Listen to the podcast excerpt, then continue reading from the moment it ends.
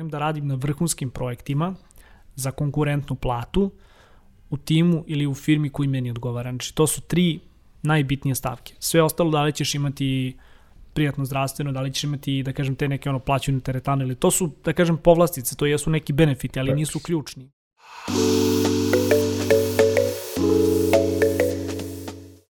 Zdravo svima, dobrodošli u još jednu epizodu netokracijenog Office Talks podcasta. Pre nego što krenemo, a, servisna informacija, ovaj podcast možete da pratite u audio formi, linkovi su dole u opisu ovog videa. A, takođe, Office Talks podcast možete pratiti i putem YouTube-a, preplatite se na netokraciji YouTube kanal, kliknite na zvonce kako biste dobili obvrštenje o najnovim epizodama. Dobar dan svima, dobrodošli, moje ime je Marko, danas su sa mnom tu moje kolege Milana i Marko, a, drugi Marko, ako tako mogu da kažem. A, danas pričamo pričamo Milana o Employer Branding konferenciji koju smo nedavno održali, sumiramo neke utiske sa događaja, pokušat ćemo malo više da govorimo o a, brandiranju poslodavaca, obzirom da smo imali, da kažem, opet dvodnevnu konferenciju koja se time bavila. A, koji su neki naj... A, najveći utisci koji su, koje da kažem događaj ostavio na tebe, evo da krenemo od možda tog i prvog panela koji je, koji si ti, da kažem, vodila? Uh, najpre prvi panel je bio ko se u jednoj organizaciji bavi employer brandingom. I ono što je moj glavni utisak jeste da većina kompanija zna otprilike kako i šta, međutim iz našeg iskustva kao jednog medijskog aktera koji se takođe na neki način učestvuje u employer brandingu jedne kompanije, eh, kada dođe do izvršenja tih strategije, odnosno kampanje u našem slučaju, odgovornosti se malo pogube. Tako da ono što, čime bih ja volila da započnem ovu diskusiju jeste uh, kako po vašem mišljenju treba da izgleda jedan employer branding team, koga čini i kako odvojiti odgovornosti. Može Tadić, može Mudrinić. Ja. pa, ovaj, znaš kako, Uh, ja, mi smo diskutovali i Skoki i Kaća i ti kad su negde se došli da je employer branding u stvari jedan ceo proces gde svi učestvuju, uh, mi ćemo se fokusirati na taj, taj IT uh, deo employer, employer brandinga. Uh, htio sam samo da ti kažem, što se mene tiče, ja mislim da treba da učestvuju svi. Ako baš pričamo to je ko je odgovorna osoba ili osoba koja izvršava operacije, to ne treba da bude management, top management, to treba da bude najčešće employer branding specialist uh, koja je mix negde HR i marketinga, komuni, to je komunikacija, U našem slučaju u saradnji sa IT firmama vidjeli smo da to često rade HR menadžeri koji nemaju dovoljno uh, znanje iz komunikacija i, tih you marketing, uh, marketing aspekta i onda vrlo često imamo tu negdje tu mixed i tu lošu komunikaciju sa njima gde mi njima pokušamo da objasnimo kako na primjer tekst treba da izgleda. Mislim da si ti čak i imala tekst, sećaš se, saveti za HR menadžere, saveti za IT firme kako da poboljšaju svoju komunikaciju. Međutim, ako gledamo širu, spi, širu sliku, management firme, vlasnici ili ono, CEO-ovi imaju taj following na društvenim mrežama više nego ljudi koji su zaposleni i onda oni takođe utiču na employer branding samo s neke druge strane jer ljudi, njih pratiš na društvenim mrežama na LinkedInu, Twitteru, Instagramu i vidiš njihov način komunikacije, još ako su, onu, još ako su oni glasni u društvu, ti, to je takođe employer branding, ono, employer branding za, sli, uh, za firmu, jer ti vidiš na taj način kako ne komunicira i da li želiš da radiš tu. Dok, kao smo rekli, same operacije treba da radi neka osoba koja je didaktilj u kompaniji. E sad, Matko, kad dođemo do tih uh, samih operacija, odnosno kampanja, tu shvatimo da iako imamo formalno podeljene odgovornosti. Jedan ugovara kampanju, smislili smo zajedno što želimo tom kampanjom da postignemo, koji nam je cilj, gde idemo i kako. Uh, kada dođemo do te realizacije, svi se pomešaju i onda svako daje svoje mišljenje. Uh, Koji je tvoj stav po tom pitanju i koje su generalno još na to neke uh, male poteškoće do kojih se dolazi obično kad krenemo u realizaciju? Pa vratio bih se samo za korak nazad, jer kao, ako se zapitamo kao ko je, ko je poenta negde employer brandinga, poenta employer brandinga jeste da se dakle brandira poslodavac kako bi se kreiralo uh, istinsko neko okruženje o tome kakve su vrednosti uh, u toj organizaciji i na kojim projektima ta organizacija radi, ukoliko može da se zapravo govori o projektima. Dakle, to su neke ključne poruke koje treba da oslikaju tog poslodavca, jel da? Ono što mi najčešće vidimo, i ne samo opet u našem poslu, vidimo, vidimo iz industrije negde da je, da je dakle, ideja, prevelik možda upliv ljudi koji rade u marketingu, koji onda preuzimaju employer branding um, posao, jer šta je, šta je, tu, šta je tu problematično? Ako je zadatak employer brandinga kao nekakvog novog pokreta ili kao mindseta za razmišljanje kada govorimo o procesu rekrutacije, tu treba biti iskren i treba prikazati situaciju i prilike u kompaniji onakim kakve jestu, ne, ne, ne ulepšavati ih na kraju dana. I onda imamo prečest slučaj da se mnoge stvari ulepšavaju ili da mnoge stvari pokušaju da se ulepšaju, a tome svakako ne doprinosi negde ni, ni top management koji se možda u nekom ono kasnijem toku produkcije, ajde govorim opet iz našeg ugla uključuje, želi da doda svoj neki komentar, želi da nešto izgleda mnogo više promo, želi da prosto na taj način oslika bolju ovaj, bolju situaciju u kompaniji, u timu ili organizaciji nego što jeste i znaš, to ti je te dve stvari se onako, ne mogu da kažem da se podudaraju, jel da međusobno se potiru, ako, ako tako mogu da se izrazim.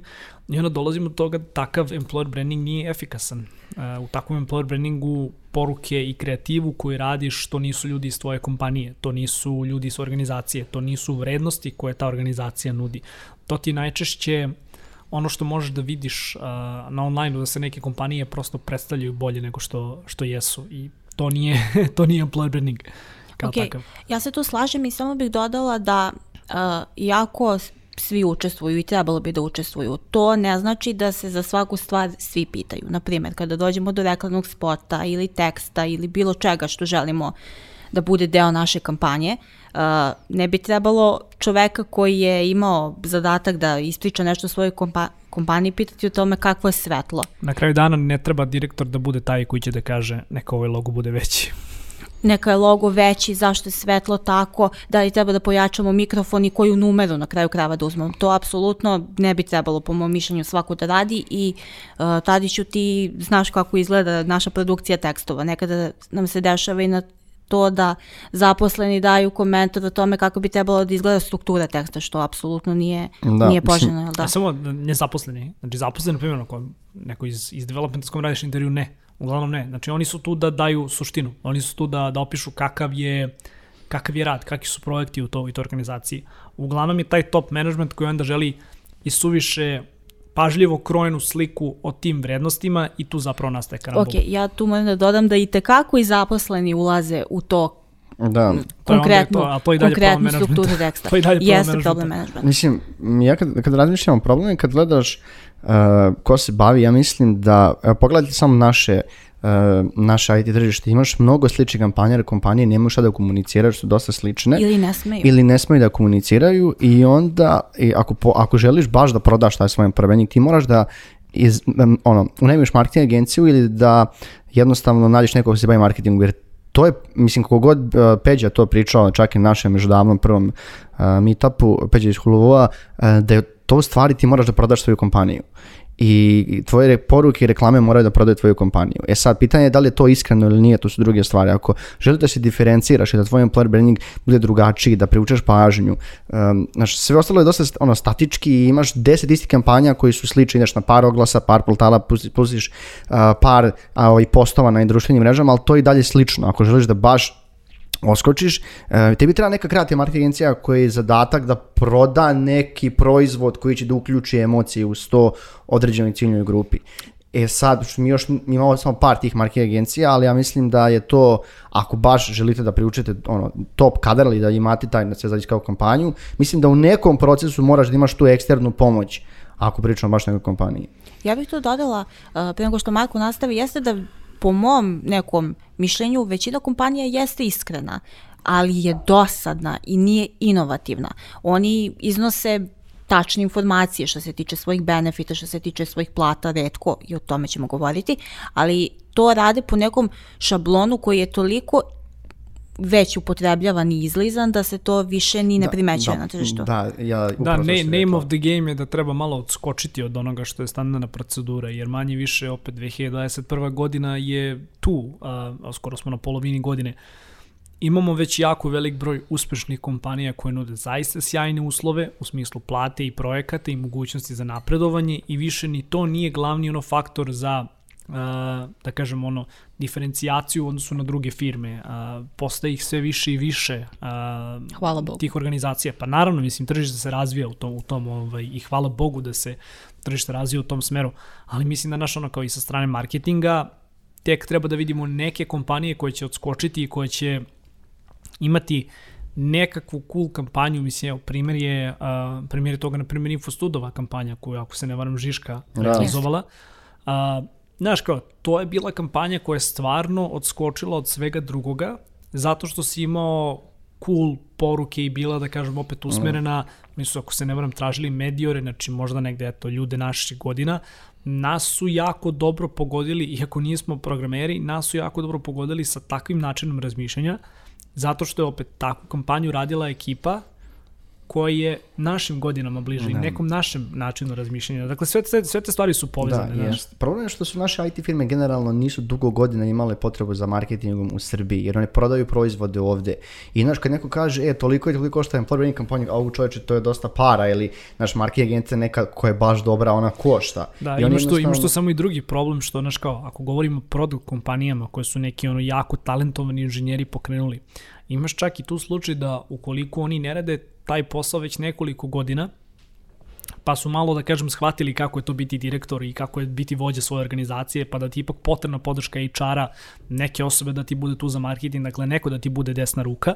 A, imaš i situaciju da naš kao gomila ljudi koji su novi u, u tom poslu ne shvataju jednostavno zašto je bitno da imaš nekoga za marketing ili za komunikacije, zašto je bitno da imaš nekoga za HR, za zapošljavanje, dakle za employer branding, jer sve te stvari tehnički ljudi po mom nekom iskustvu, sad ovo nije nikakva uvreda, ovo je prosto činjenica, ali sve te poslove, neko ko je zaista talentovan programer, inženjer ili menadžer, će jako teško da obavlja i neće imati ni toliko spoznaju o tome. Znači neke poslove je prosto potrebno mm. prepustiti drugim ljudima Jasne. kao što i mi sami ne znamo da napišemo dve linije da, koda, da, pa neko drugi ovaj razvija, razvija netokraciju. Pa to ti uvek ono negde ne ceniš dovoljno neka druga znanja. Ma lako ćeš, to je kad kreneš da radiš, ali ovo teško, Na, ne Ne da nije lako, nego šta da, više. Da, da, upravo to, mislim da svi donekle, to je onako, employer branding je specifičan pojam da svi u kompaniji treba da rade, pa čak i ljudi koji idu na ono, učestvuju u konferencijama i na slično i treba pa da, mislim i to da je isto, znaš kao, i treba taj management, znači jedina, jedini, jedini zadatak tog menadžmenta treba da bude kako da dovoljno motivišeš ljude da žele da se uključe u employer branding aktivnosti koje će verovatno da iz, iziskuju neke van nastane aktivnosti u smislu, e, kad završiš svoj posao, da li možeš da odgovoriš na ova pitanja, da li možeš da ostaneš još sad, dva posle posla da snimimo ovaj promo video, da zaista prikažemo tu autentičnu atmosferu iz, iz kompanije, da li imaš vremena da napišeš nekakav blog post za, za naš sajt. Znači sve su to, da kažem, neke stvari koje čine te neke ono a, ekstra, on, extra curricular ili ti kako bi rekli ovaj, a, dodatne aktivnosti i koje prosto opet dodaju uh, i obogaćuju uh, eksternu komunikaciju same kompanije. Ja bih sad dodala na to ponovo uz jasnu podelu da. odgovornosti. E sad da krenemo na jednu drugu celinu koju smo takođe spomenuli na, na konferenciji koja je meni jako interesantna, a to je uh, pričamo o načinima na koji jedna kompanija treba da se izdvoji. Uh -huh. uh, način da se izdvojiš na domaćem tržištu u ovom trenutku jeste da u oglasu za posao napišeš range koja pla, kolika će biti otprilike plata osobe koju tražiš, čisto da kandidati znaju šta se očekuju, šta da očekuju. E, na stranom tržištu to je u, i ustaljena i nije ustaljena praksa, međutim na domaćem toga gotovo da nema. Mislim da je Tamara uh, iz Hello Worlda kad je vodila taj panel spomenula da je naišla na podatak da samo 3% uh, mislim na domaćem tržištu ističe šta kandidati mogu da očekuju. Uh, Marko i Marko, pitanje za vas je sada uh, zašto se to ne dešava i uh, kako da se to promeni? Pa mislim da je da su plate generalno ovaj, u nekim tržištima kao što je Srbija bila dosta tabu tema. I ti sad imaš uh, onako IT koji je eksplodirao prethodnih 10 godina i gledaš taj ono, disparitet između plata u IT-u i plata u nekim drugim industrijama su za, po 5-6 puta uh, ove veće i razlika je zaista velika. Uh, ja lično, mislim, zalažem se za transparentnost, ali nisam, nisam siguran da je meni bilo poželjno da znam kolika je plata koji, na, da ovaj, pre nego što apliciram, ali meni je bilo poželjno da već na prvom koraku uh, sa nekim s kim bi pričao, uh, on mi kažu koliko platu možeš da očekuješ ili bar ti daju neki okvir. Uh, mislim da je uvek je posla ta, naš, u, društvu postoji ta kao poslovna tajna gde se ne priča generalno platama i ljudi u kompaniju često ne znaju koliko imaju, koliko ko ima plate, um, a, a nisam, kažem ti, više bi volao da znam nekom prvom koraku kolika je plata, nego što ću ja da lično, aj kaže, je toliko, je toliko, Vi, vidio sam američke kompanije koje oglašavaju neke poslove u Srbiji imaju taj kao price range. To meni nikad nije pravilo razliku, iskreno meni. U, znaš kaže, ne bi 100%, e, aplicirat ću za ovo zato što piše plata koliko. Oni su transparentni iskreni su, ali mi to ništa ne znači nešto preterano meni kao kandidatu, da li ću da apliciram neki drugi posao ili neću. Ali uh, tu možemo doći u situaciju da ti, na primjer, ulo- uložiš svoje vreme i, i, znanje i energiju u to da prođeš jedan intervju, pa tehnički intervju, pa da odradiš zadatak i na kraju dođeš do toga da bi imao manju platu nego koja ti je trenutno i ti si faktički izgubio vreme. Ja mislim da bi trebalo da postoji uh, range, ali da se ne držimo čvrsto tog range to nije ono uklesano u kamenu. Prosto da prilago, prilagođavamo znanju i iskustvu osobe sa kojom razgovaramo. Mislim da je to neki... Pa tako se, tako se uglavnom radili, da, da, ti, da ti dam neki kao konkretni odgovor zašto se ne, ne diskutuje više o, o platama i zašto nemamo više tih nekih ono ili price range-ova ili ti odrednica, da kažem, cenovnih uh, u našim oglasima. Pa novac je od uvek bio tabu tema u Srbiji. Uh, jedan jasan primjer tome, evo i kada pišemo o investicijama u kao domaće startupe, glavna molba od strane osnivača jeste u nemojte da navodite, nemojte da navodite cifru. Tek poslednjih godina kako su te neke seed runde krenule da budu više milionske, sada imamo da kažem kompanije koje kažu hajde stavi i ovu cifru, pomoći će nam malo lakše da dođemo do kadra. Ali uglavnom, a, novac nije nešto o čemu se priča u Srbiji. Mislim da, da i ovde to da kažem, makar i u domenu zapošljavanja A jako velik zašto je problem. tabu tema? Tabu je tema. Tabu je tema. Mislim da prosto to nije nešto što, što o čemu ćeš tako otvoreno da govoriš kao na primjer u zapadu. Mislim da je novac negde i dalje se smatra veoma privatnom stvari ovde u Srbiji. Drugi faktor je što sad s jedne strane razumem i kompanije, dakle razumem potrebe industrije, ali razumem i potrebe ljudi koji apliciraju. Neko ko aplicira ne želi da gubi vreme bavići se tim oglasom, popunjavajući prijavu, da pišeš neko pismo motivacijono, da šalješ te neki prvi inicijalni mail. Neko, na primjer, ne želi time da se bavi. S druge strane, kompanije su svesne da je ovde problem rekrutovanja nenormalno velike. Konkurencija je ogromna. I ti ne želiš te neke polazne osnove da izgubiš u odnosu na tvoju konkurenciju, jer ako si slična firma, kao što je, na primjer, možda tvoj glavni konkurent, on nema uh, izbacen, izbačene, da kažem, cene, ovaj, to ajde da kažem, ne, nema taj neki ono price range na, na svom sajtu ili na nekom od ovaj, poslovnih platformi koje koristi, a ti imaš, uh, onda ta ista kompanija može zapravo da ono kaže, aha, ti ovde u firmi imaš platu, ne znam, 1000 i po, ono price range od 1000 i po do 2000 evra za tu i tu poziciju, hajde da, da dignemo za 200 evra veće plate i to može da im bude jedan od ono, jedna od polaznih tačaka za da kažemo ono to kontraregrutovanje, da zapravo dolazi da regrutuju ovaj tvoj kadar. Tako da mislim, mislim da tu treba samo otvoreno govoriti o, o tome zašto je to tako. Ja ne verujem da firme ne verujem da firme imaju toliki strah od toga da će sada, ne znam, da plaćaju ljude više ili manje i da ne žele prosto da, da, da ono se znaju te neke stvari unutar firme, jer ako je pogotovo manje u firmu u pitanju, mislim da se u principu, da kažem, ono, plata negde, negde i zna. Kod većih firmi imamo, na primjer, drugi slučaj, to da imaš standardizaciju, da, na primjer, imaš ono napredovanje posle određenog vremenskog roka, a, da imaš prosto te neke ono nivoe plate koje moraš da zadovoljiš. U velikim kompanijama, znamo da je to prosto činjenica, Tako da dvojaka je, dvojak je da kažem problem. S jedne strane problem konkurencije, a s druge strane eto problem što se i dalje možda negde o platama govorili se smatraju da su tabu tema kod nas. Ja mislim da kompanije koje dosta plaćaju generalno ne bi trebalo da imaju nik- nikakve probleme da jasno komuniciraju, to im je ono ogromna strateška prednost. Problem je kod onih koji plaćaju manje, ali opet ni to ne mora da bude problem ako nude određene stvari koje seniori žele. A znaš šta, I problem, sada- je, da problem, je, problem je da li komuniciraju bruto ili neto, pošto smo videli Dobro, ovaj, naravno. na, na velikom broju primjera da nažalost ljudi koji jesu profesionalci u svom poslu apsolutno ne znaju razliku da imamo između ta dva podatke oko pojma. toga. Da. Mi samo pričamo kako je to lepo, ali kad, ja sam ti rekao, na primjer, meni lično ništa ne znači. I baš me zanima, ako je neka kompanija objavila oglas za posao, bez i sa platom, koliko je više ljudi apliciralo ovaj, na taj oglas, oglas ako, piš, ako I piše da li, da li je apliciralo? Mislim, to, to je ono super stvar za neko kogo ima vremena, evo, mislim, pozivamo ga ovim putem ovaj, uraditi A-B testing. Da, upravo Znaš, to, Za, jer- za dve, na primjer, dve slične pozicije, za jednu ovaj, staviti platu, za drugu ne, oglašavati ih na istim kanalima uz isti neki ono marketing budžet pa da vidiš prosto koliko će koliko će Da, prijava ja, da ja sam ti rekao juče, znači to ti je ono kao kad, ne znam, HR-ovi marketari, u, to je super, a kad pitaš nekog programera, neko kaže, ma, to me kao meni ništa ne znači. Da.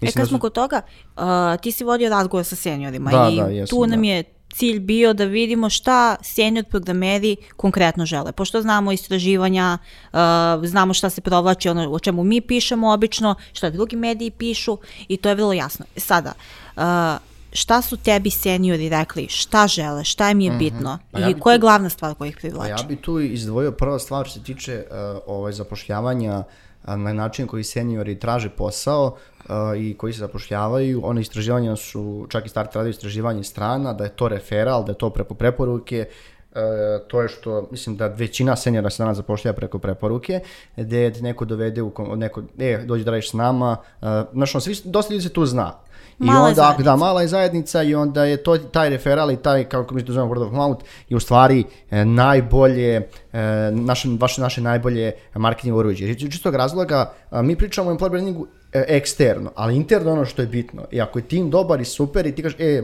kao, dođi da radiš kod nas, imamo super uslove, bilo bi super da budeš sa mnom u timu. Molim te, približi se mikrofonu. da, i ovaj, kažem ti, to je dosta bitno. Dok uh, LinkedIn je takođe bitan, dok što ono, pričali smo baš i pre same diskog ovim uh, review sajtovima uh, i Uroš i Dan kad nisu nešto bili pretjerano blagonakloni ka tome, više im je to znači kao da validiraju svoje mišljenje, kao što su rekli, a ne sada će da idu kao na prvi korak da izgooglaju ili da idu na, idu, ne znam, na te da. ovaj, sajtove za, za review da čitaju i traže nešto o kompaniji. Mislim, sve ti je, sve ti je to deo ono procesa zapošljavanja, znaš, ono, ne, e, imam preporuku da dođeš u ovu firmu. Pa onda naš treba, treba i te kompanije koje imaju, da kažem, te referral programe da imaju nekakvu novčanu kompenzaciju. Uglavnom Pa onda imaju. neko ko da. dolazi naš, aha, evo, javio mi je Tadić da je ova firma super, hajde da vidim šta ljudi pišu, pišu ovaj na njoj, pa ćeš možda da naletiš na intervju na netokraciji koji smo radili sa, radili sa, sa njima pa ćeš onda možda da odeš na tu neku ovaj platformu koja se bavi ocenjivanjem poslodavaca, pa da vidiš komentare. Dakle, sve su to, da kažem, neki koraci u tom procesu koji se zove regrutovanje i zapošljavanje, koji nije ni malo lak. Ljudi nekako misle da je to ovaj dođe čovek sa papirima. Kod mene, kažem, zaposlen si, rukujemo se i to je to. Daleko od toga.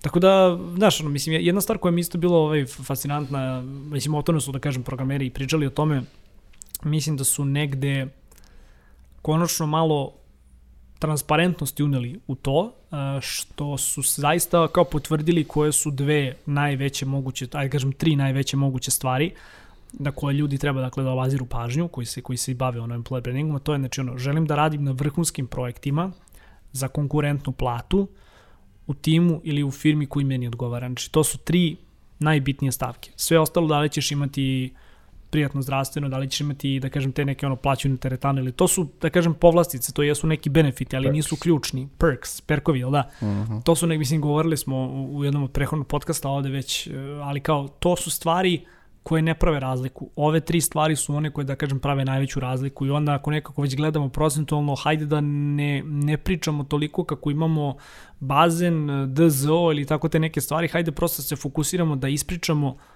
ove tri stvari i da predstavimo te tri stvari kroz interesantan sadržaj. Bilo u video, audio, foto, pisanoj formi, kako god. Znači, to su samo da kažem kanali, ali to su tri stvari, tri nekako da kažem osnove ono, posmatrite vaš employer branding kao, ono, kao hoklicu sa tri, sa tri one, da kažem, osnove. Na, to, na, na to treba ljudi da se, da se da, fokusiraju. Bili, I oni su takođe istakli kroz razgovor da je plata dosta bitna dok ne dođeš do tog nekog senjorskog nivoa. Znaš, kad ono, a kad ide, kako napreduješ u karijeri, platiti ovaj, takođe rasti dok ničem toliko da ti onda više nije toliko bitna, ali nego ti je bitno taj okruženje u kome radiš. Jer, znam situaciju, ti si sad ne senior, imaš zaista super platu i ti te pare ne trošiš ništa posebno, ako, ako si ima, ne znam, 500 pa čak i ne znam više uh, para, evra manje na, kroz platu, ti dalje živiš negde slično ali onaj taj balans okruženju u kom radiš dosta bitno, jer da ćeš ti moći da, ne znam, da, iza, da, ono, da nije ti ceo život posao, nek ćeš moći da radiš neke druge stvari, da se onako ispuniš i kroz posao i kroz to slobodno vreme ili da, tako zvano dokolicu. To je ono što se kaže isto jako je bitan taj work-life balance. Da... Može to onako floskula koju mi često pričamo, ali to je zaista bitno, jer ne želiš da radiš u okruženju koje te postavi da dođeš u burnout situaciju, koji ti, znaš, ne dovede potrebnu pomoć kad ti treba, koji radiš ono duže radne sate i slično. Mislim da to dosta bitno da bi ti na kraju bio, evo mi je super, ja mogu da radim u okruženju, to mi je najbitnije. E, sa tim se slažem, ja sam imala prilike da kroz razgovor sa seniorima, ali ovaj put u pisanoj formi koju vodimo na netokraciji već nekoliko meseci, uh, pitam ljudi šta im je najvažnije i ono što je Marko istakao jeste, timovi, projekti i novac, međutim, ono što je meni bilo zanimljivo jeste da i najzanimljiviji projekat može da postane dosadan i da tu Naravno. onda veliku ulogu preuzima okruženje i to kakva je kompanija. Da li pravi stres, da li ne pravi, da li ti uh, kada imaš spori period, uh, puštate da odmoriš da se edukuješ ili te uh, zatrpava nekim poslom samo da bi imao šta da radiš i Šta na slično. kraju dana i ona organizacija koja će ti pružiti priliku da, da se dalje razvijaš. I mislim, znaš, govorili smo o tome milion puta, ne želim sad nešto pretrano vremena da oduzimamo ovaj, na tu stvar, ali kao ljudi kako vremenom, znači ono napreduju u svom poslu, govorimo o inženjerima, programerima, neko želi prosto znači, ono, da se specijalizuje za jednu stvar, neko želi da uđe u management vode, neko želi da proba da radi nešto potpuno drugo. Mislim da je u organizacijama mislim da organizacijama na kraju dana potrebno, ako već nemaju to, znamo, znamo da su mnoge to i implementirale, ali mislim da mi je potrebna ta mogućnost da imaju osobe koje jesu sa tim nekim tehničkim backgroundom, sa tehničkim preznanjem, ali koje će imati mogućnost ili priliku da probaju da rade i neke druge poslove ukoliko vide sebe da su možda da kažem udarili u taj neki ono karijerni plafon i prosto žele da se preorientišu na drugu stvar. Uh, apsolutno se slažem. I sada dolazimo do jedne teme koja je takođe jako, jako interesantna, a to je da li su zaposleni uh, vaši predstavnici na LinkedInu odnosno predstavnici kompanije ili su predstavnici sebe. I mi u, oko toga smo dosta diskutovali u, u kancelariji, na kraju nismo pronašli pravi odgovor, ali pravi, sada... pravi jedini odgovor je da jesu. Da, mislim, o, Smatram, ako si Marko. potpisan, ja mislim također ako si potpisan, ne znam, Milan Rašić je netokracije, Vrh netokracije, ja mislim da nažalost nekako je, ne postoji opcija da drugi ljudi koji gledaju tvoj profil i vide neće vezati tvoje stavove stavima firme. Ukoliko piše samo, ne znam, Milan Rašić journalist ili znaš da možda podesiš ovaj gore bio da to bude drugačiji, to se možda neće desiti baš toliko. Na primjer, ti imaš, evo daj, daj mi ti primjer, ljudi vrlo često na Twitteru pišu, ovo su, moji stavovi su lični, nisu moje kompanije, važi. Znači, ta opcija ne postoji. Kad god mi misli kao ti negde podsvesno vezuješ osobu uz nešto. Vezuješ osobu uz kompaniju. Ti- To ti najbolji, e, to čak su i političari. Političari nešto kaže, ovo ne nisu stavovi moje stranke. Važi da nisu. To ti isto Ti kao... si tvoja strana. Dobro, ali, Da. ali moram, moram tu samo odmah u startu da kažem da nije nužno baš tako, zato što malo se gleda i, malo se gleda i background te društvene mreže na koje to radiš. Da, ima i ako, toga, je. znaš, Da. ako, ako na face, znaš, ono, malo, Facebook je više malo post, post, postao svaštara. Na Twitteru, znaš, ono, kao što je, kao što je Jana rekla, na Twitteru postoji ta neka određena doza anonimnosti. Ti ne moraš da budeš popisan sa ostalim Da, imenom. Ti možeš da. da budeš Marko Mudrinić ili Marko Tadić gde možeš da staviš fotografiju, ne znam ti nija čega, svog omiljenog sportskog tima i ne mora ni da piše odakle si i gde radiš. Tako je prosto društvena mreža. Ti možeš tu da iznosiš svoje stavove koji ne moraju da budu, da kažem, u skladu sa nekim ono društvenim ili političkim načelima, ali kada govorimo o LinkedInu, moramo prvo da znamo šta je LinkedIn. LinkedIn je poslovna mreža gde da kažem, stavovi koji se iznose i neke poruke koje se iznose treba da budu vezane za napredovanje u poslu, za, da kažem, prosto posao, jel da? Situacija zbog koje smo, da kažem, i pozvali Anu ovaj, da, da bude ovaj, naša gošća na, na, na konferenciji, je zato što smo imali tu, ajde, mogu slobodno da kažem, ružnu situaciju gde smo imali jako velik broj ljudi koji se javlja kako bi odgovorio na komentar ovaj, jednog, jednog osnivača o tome kako je njegova kompanija podržala ovaj, jednu nevladinu organizaciju koja se bavi, da kažem, podrškom ovaj, LGBT populaciji i njihovih prava, a sve to u vezi sa, sa ovim zakonom o istopolnim zajednicama, gde smo naravno logično pitanje postavili, dobro, ako si ti Pera Petrović koji radi u toj multinacionalnoj kompaniji koja posla u Srbiji, da li to znači da tvoja kompanija podržava takvo ponašanje koje apsolutno nije da kaže u skladu, u skladu sa tom nekom ono profesionalnom ovaj, etikom i ako već vidite kao predstavnik kompanije, dakle kao HR ili kao branding manager, ako već vidite takvo ponašanje, kako da reagujete? I ono što je Ana rekla jeste da negde kompanijama je zapravo najbolje u startu da se ograde od tih stvari i da kažem da imaju ono politiku među svojim zaposlenima da se te stvari ne poturuju po tepih, nego da se o njima priča ili kroz internet edukacije ili da kažem kroz neki onako preventivan razgovor, ali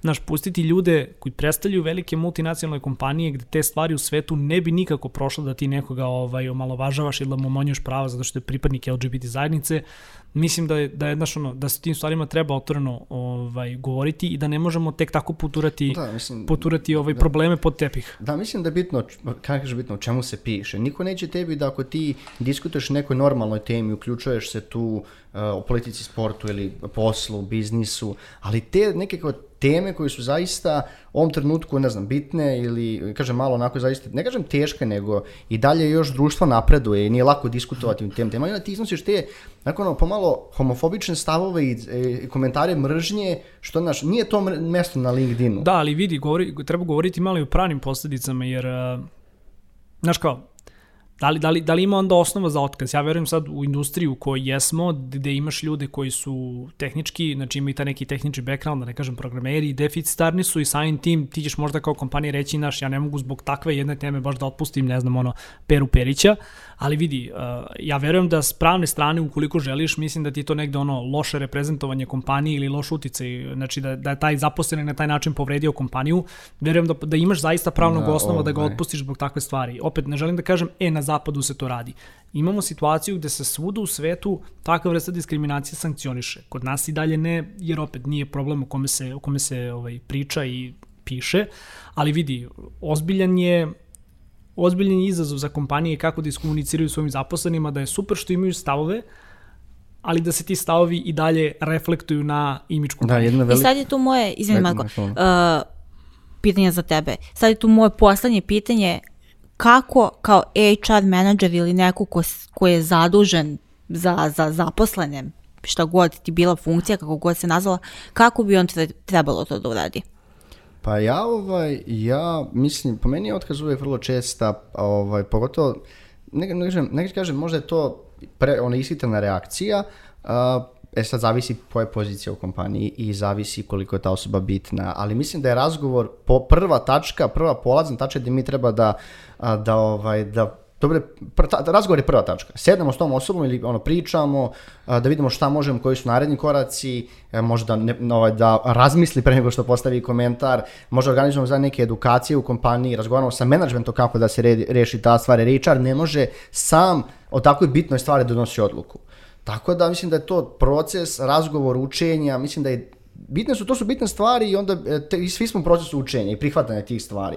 I ne može ništa preko noći. Zato mislim da je razgovor i, razma, i ono, argumentovana diskusija najbolje rješenje. Verovatno velike kompanije, pošto imaju te guideline ponašanja u svakoj situaciji, ne toleririšu. Evo ja sam znam sad jednu, uh, jedna situacija, videli ste da je jedan najveći hrobni kuća na svijetu imala ovu uh, gay, ne kažem gay kampanju, ali kampanju koja je bila okrenuta kao ovaj, LGBT Q, kako već osobama, jedan njihov ovaj, country manager naše susedne zemlje je dobio otkaz upravo vrlo pre 7 dana jer je imao jako ružne stavove na cijelu kampanju na svom javnom profilu na LinkedInu. Dajem ti samo, ovaj, dajem ti samo primjer da to se vratno sve zavisi i od kompanije same i njihovih nekih gajlana, pravila ponašanja. Ako tvoje to mišljenje, pa da završavamo. Pa vidi, to ti je, to ti je znači ono, koliko novca i energije uložiš u regrutovanje, to je koliko novca i, i energije i resursa uložiš u edukovanje ljudi, takav će ti na kraju dana output biti. Ako ti je cilj kompanije da samo ti neki ljudi dolaze u to neko okruženje da imaju stabilnu, da kažem, platu i stabilne neke uslove, ali da realno se kompletna, da kažem, ono, kultura kompanije svodi samo na rad, ti nećeš imati jaku organizaciju. Mislim da u jakim organizacijama koje neguju kulturu, mislim da i tekako ima prostora za priču o ovim temama, da ne mora sve da se svodi samo na sušti radi na profit, da može negde da se da se priča otvoreno o ovim ovaj, stavovima, ok, ne slagati se, ali isto tako i te kako je poželjno biti svestan posledica, jer one postoje. A veruj mi kako se vreme bude razvijalo, kao pre pet godina nismo mm -hmm. pričali o employer branding aktivnostima, pa evo 2021. godine pričamo o različitim aspektima i, i istog. Mislim da samo kako se stvar i kako se industrija bude razvijala, da ćemo tako videti možda negdje prve primere gde se ljudi zaista dobijali otkaze i da su bili sankcionisani na malo glup način, da ne kažem, ali da su sve te stvari mogle da se preduprede kvalitetnom edukacijom, kvalitetnim razgovorima i da kažem prosto prihvatanjem da živimo u takvom jednom društvu gde postoje različiti stavovi i da kažem ovaj, i različite volje i želje, ali da se tim stvarima pre svega mora otvoreno govoriti. Da, isto mislim eh, da u narednom periodu uh, koji pred nama mislim da ćemo uh, imati situaciju da su kompanije sve manje tu samo da radiš, da radiš profit, nego će biti uticaj onako njihov ono, sve šta, gledat će sve šta kompanija radi, koliko je njihov, znači taj na ekologiju, etički, koliko učestvuju u kampanjama, koliko su društvene odgovorne, mislim da to polako dolazi kod nas, možda mi ne vidimo u ovom trenutku, ali mislim u da će, svakako dolazi. Da, mislim da će sve više i više imati taj upliv kod nas i da, a, da će se više diskutovati o nekim takvim druš, društveno-ekonomskim pitanjima, Mislim, na kraju dana vidi, znaš kao, dobro, dobro, ono, dobar top tip, pa da završamo emisiju dobar top tip ili ono, fantastičan savjet je Ako ste kompanija koja ne zna o čemu da priča, fokusira se na društvene probleme, ali budi onda taj kanal koji će da, znaš ono, budi taj kanal koji će da otvori te, ta neka pitanja. Znaš ono, nemoj, nemoj samo da mi pričaš šta, ono, ja ako sam, znaš ono, tvoj budući zaposlenik, nemoj samo da mi govoriš šta ja, šta ti misliš da, da ja želim da čujem, nego, znaš ono, pite me šta želim da čujem na kraju dana. Jasno.